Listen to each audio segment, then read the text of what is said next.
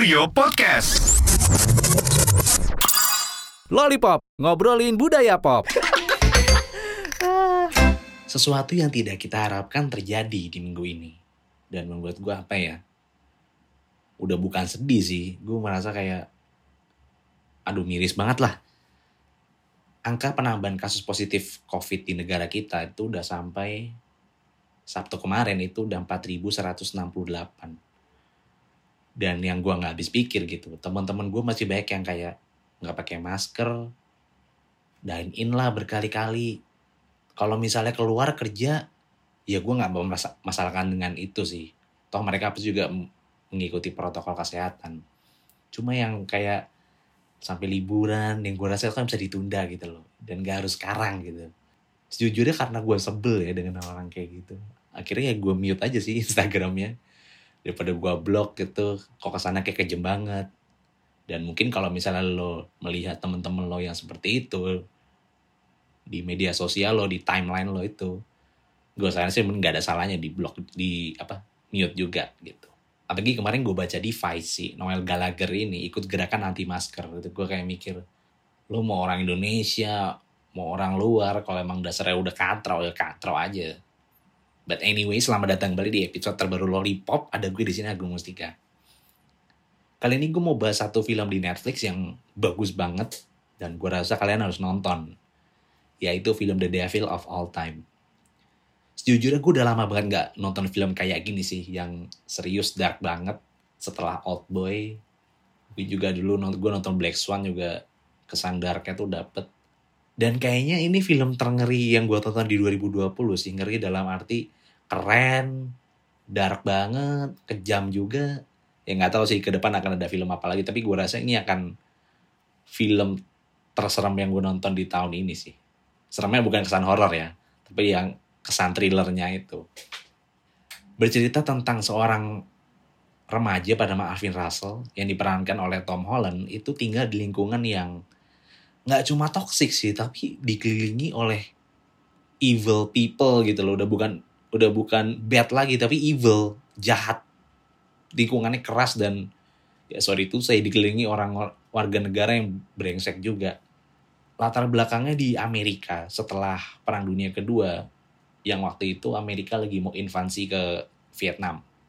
Jadi profesi tentara itu lagi hype banget di sana, lagi keren-kerennya. Mungkin sampai sekarang juga gitu kali ya, gue juga nggak terlalu paham. Jadi Arvin Russell ini yang diperankan Tom Holland itu tinggal di lingkungan yang keras, dan dia ini selama hidupnya apes banget. Tinggal di keluarga konservatif, ibunya meninggal kena kanker. Doi sama bapaknya juga udah berdoa mohon kesembuhan buat ibunya. Sampai di belakang rumahnya tuh bikin tanda salib gitu tempat dia untuk berdoa. Dipaksa bapaknya berdoa, ayo doa demi kesembuhan nyokap lo gitu. Dan ibunya tetap aja meninggal. Ada orang yang bully keluarganya, bapaknya juga dibully, dia juga dibully, di sekolah dipukulin juga.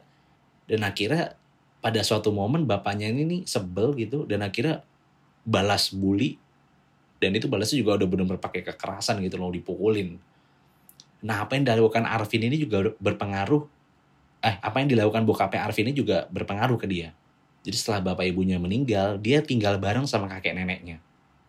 Dan di situ dia juga lingkungannya keras juga cuy. Jadi membuat dia menghadapi kekerasan itu juga melaku, dengan melakukan kekerasan soal alur dan gimana sinematografi film ini itu bagus semuanya gue bilang meyakinkan aktingnya meskipun lambat itu tapi benar-benar bisa memberikan jaminan bahwa film ini akan mencapai klimaksnya dan klimaksnya tidak akan mengecewakan lo gitu loh. Menakutkannya itu perlahan tapi pasti. Sepanjang sepanjang film itu gue bahkan nggak nemuin musik serem yang megah, yang gimana banget. Tapi bulu kuduk lo tuh merinding cuy. Kacau sih ini film bagus banget. Semua pemerannya oke, nggak ada yang jelek. Pendaman karakternya juga matang banget terus suara narator tuh udah kayak dokumenter jadi kayak ini suaranya suara dokumenter tapi yang lo nonton ini film serem gitu loh thriller yang ngeri aja dan dari sekian banyak karakter gitu loh yang gue perhatikan tentu aja si Arvin Russell si Tom Holland sama si Robert Pattinson gue salut banget sama sama top Tom Holland ini dia berhasil keluar dari karakter Peter Parker gitu loh yang selama ini gue rasa melekat di dia sebelumnya kan Spider-Man kita tahu kayak melankolis banget, gampang menyendiri, gampang sedih. Kayaknya nestapa banget lah si Spider-Man syndrome ini. Kemudian dia di karakter ini di Peter Parker dia kemudian mengubah di tangan dia tuh jadi berubah aja. Jadi lebih outspoken, jadi lebih lebih cheerful. Ini bukan nggak nggak cheerful sih, tapi kayak lebih lebih fun aja mungkin lebih, lebih suka ngelucu gitu. Nah di film ini dia kelihatan dingin, terus cuek banget, acting marahnya juga natural gitu loh. Apalagi waktu pas lagi mukulin orang-orang yang bully adik tirinya itu. Terus yang patut jadi sorotan sih Robert Pattinson. Jadi waktu pas gue browsing, gue mau bikin ngebahas film ini gitu. Jadi dia itu sebelum acting, semua aktor itu diminta sama si Antonio Campos itu untuk ngasih sampel suara. Jadi kan udah dikasih skrip, habis itu sudah kasih sampel suara untuk dialek, aksen, dan gaya bicaranya gitu, disesuaikan dengan karakternya. Dan satu-satunya aktor yang gak ngasih rekaman itu adalah Robert Pattinson. Gue gak tahu siapa kasih ya Antonio Campos ini, habis itu marah sama dia. Tapi begitu dia on cam ngerekam, itu si Antonio Campbell langsung kayak demen. Ya ini membuktikan bahwa kelas is permanen kalau udah di film mah gitu. Apalagi aksennya si Robert Pattinson ini di film The Devil of All Time ini kan dia kan jadi pendeta ya. Jadi gaya ngomongnya tuh lu bisa melihat kalau dia ini ini pendeta nggak bener nih. Ini kayak mukanya mesum terus nada bicaranya juga apa ya? Lu nggak akan nyangka kalau dia ini pendeta gitu loh. Satu hal yang bisa lo pelajari dari film ini adalah kalau dari gue sendiri itu kekerasan itu menular sih. Jadi dari kakek ke bokap dan akhirnya ke lo juga bisa. Ditambah faktor lingkungan juga. Jadi Arvin ini dia tuh kan juga melindungi orang-orang terdekatnya itu dari kekerasan yang dilakukan oleh orang-orang di sekitar apalagi sejak adik dirinya itu dihamilin sama pendeta mesum yang diperankan si Robert Pattinson tadi. Meskipun itu udah emang adik tirinya dia tapi dianggap udah kayak adik sendiri lah gitu loh. Alvin yang tadinya cuma mukulin orang itu akhirnya dia ikut membunuh juga gitu loh.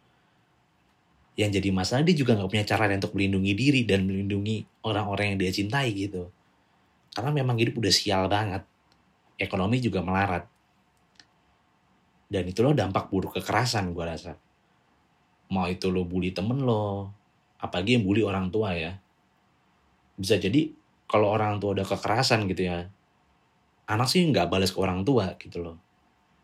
Tapi dia menumpahkan atau melakukan kekerasan itu ke orang lain dan itu yang bahaya. Kasus-kasus seperti itu kan sudah sedemikian banyak di lingkungan kita gitu loh. Apalagi gue kemarin baca di Kurio apalagi di, uh, di Kumparan tepatnya acara ospek online udah online tapi bentak-bentak gitu loh. Kayak gue mikir, aduh, udah zaman 2020 gitu masih ada ospek beginian. Yang menurut mereka ospek dengan bentak-bentak, dengan kekerasan, dengan senioritas itu itu melatih mental. Sampai dibully kan tuh di Twitter. Melatih mental ke ospek. Coba pacaran beda agama. Dan banyak dah tuh alasan-alasan itu akhirnya jadi membuat senior ini jadi bulan-bulanan. Gue rasa permasalahannya adalah kenapa sih lu tidak bisa membedakan gitu? Mana yang melatih mental mana yang cuma menanamkan senioritas gitu kalau kayak gitu kan ya artinya lu cuma senioritas aja. Ngelatih mental itu bisa pakai cara-cara yang kreatif yang gue rasa bisa diadaptasi di zaman yang sudah semodern ini dan kalau kita balik ke film The Devil of All Time kekerasan itu apa ya? Ya kayak gunung es aja. Meledaknya itu di suatu hari nanti yang ketika lu dewasa lu sadar lu punya kekuatan lu punya momen untuk melawan dan akhirnya lu kayak pecah dan ya bertindak semau lu gitu loh. Apalagi lu tidak punya pilihan. Jadi se sebisa mungkin kekerasan itu harus diputus lah. Bahkan jangan sampai terjadi lagi deh gitu loh. Nah kalau misalnya lu tertarik buat nonton film ini lu bisa nonton di Netflix. Saran gue sih nonton waktu pas sore atau malam aja. Jadi kayak lebih apa ya lebih dapat aja gitu feelnya. Kalau pagi atau siang kayaknya kurang deh. Karena seserem itu sih film ini dan kalau tertarik gue rasa lu harus nonton.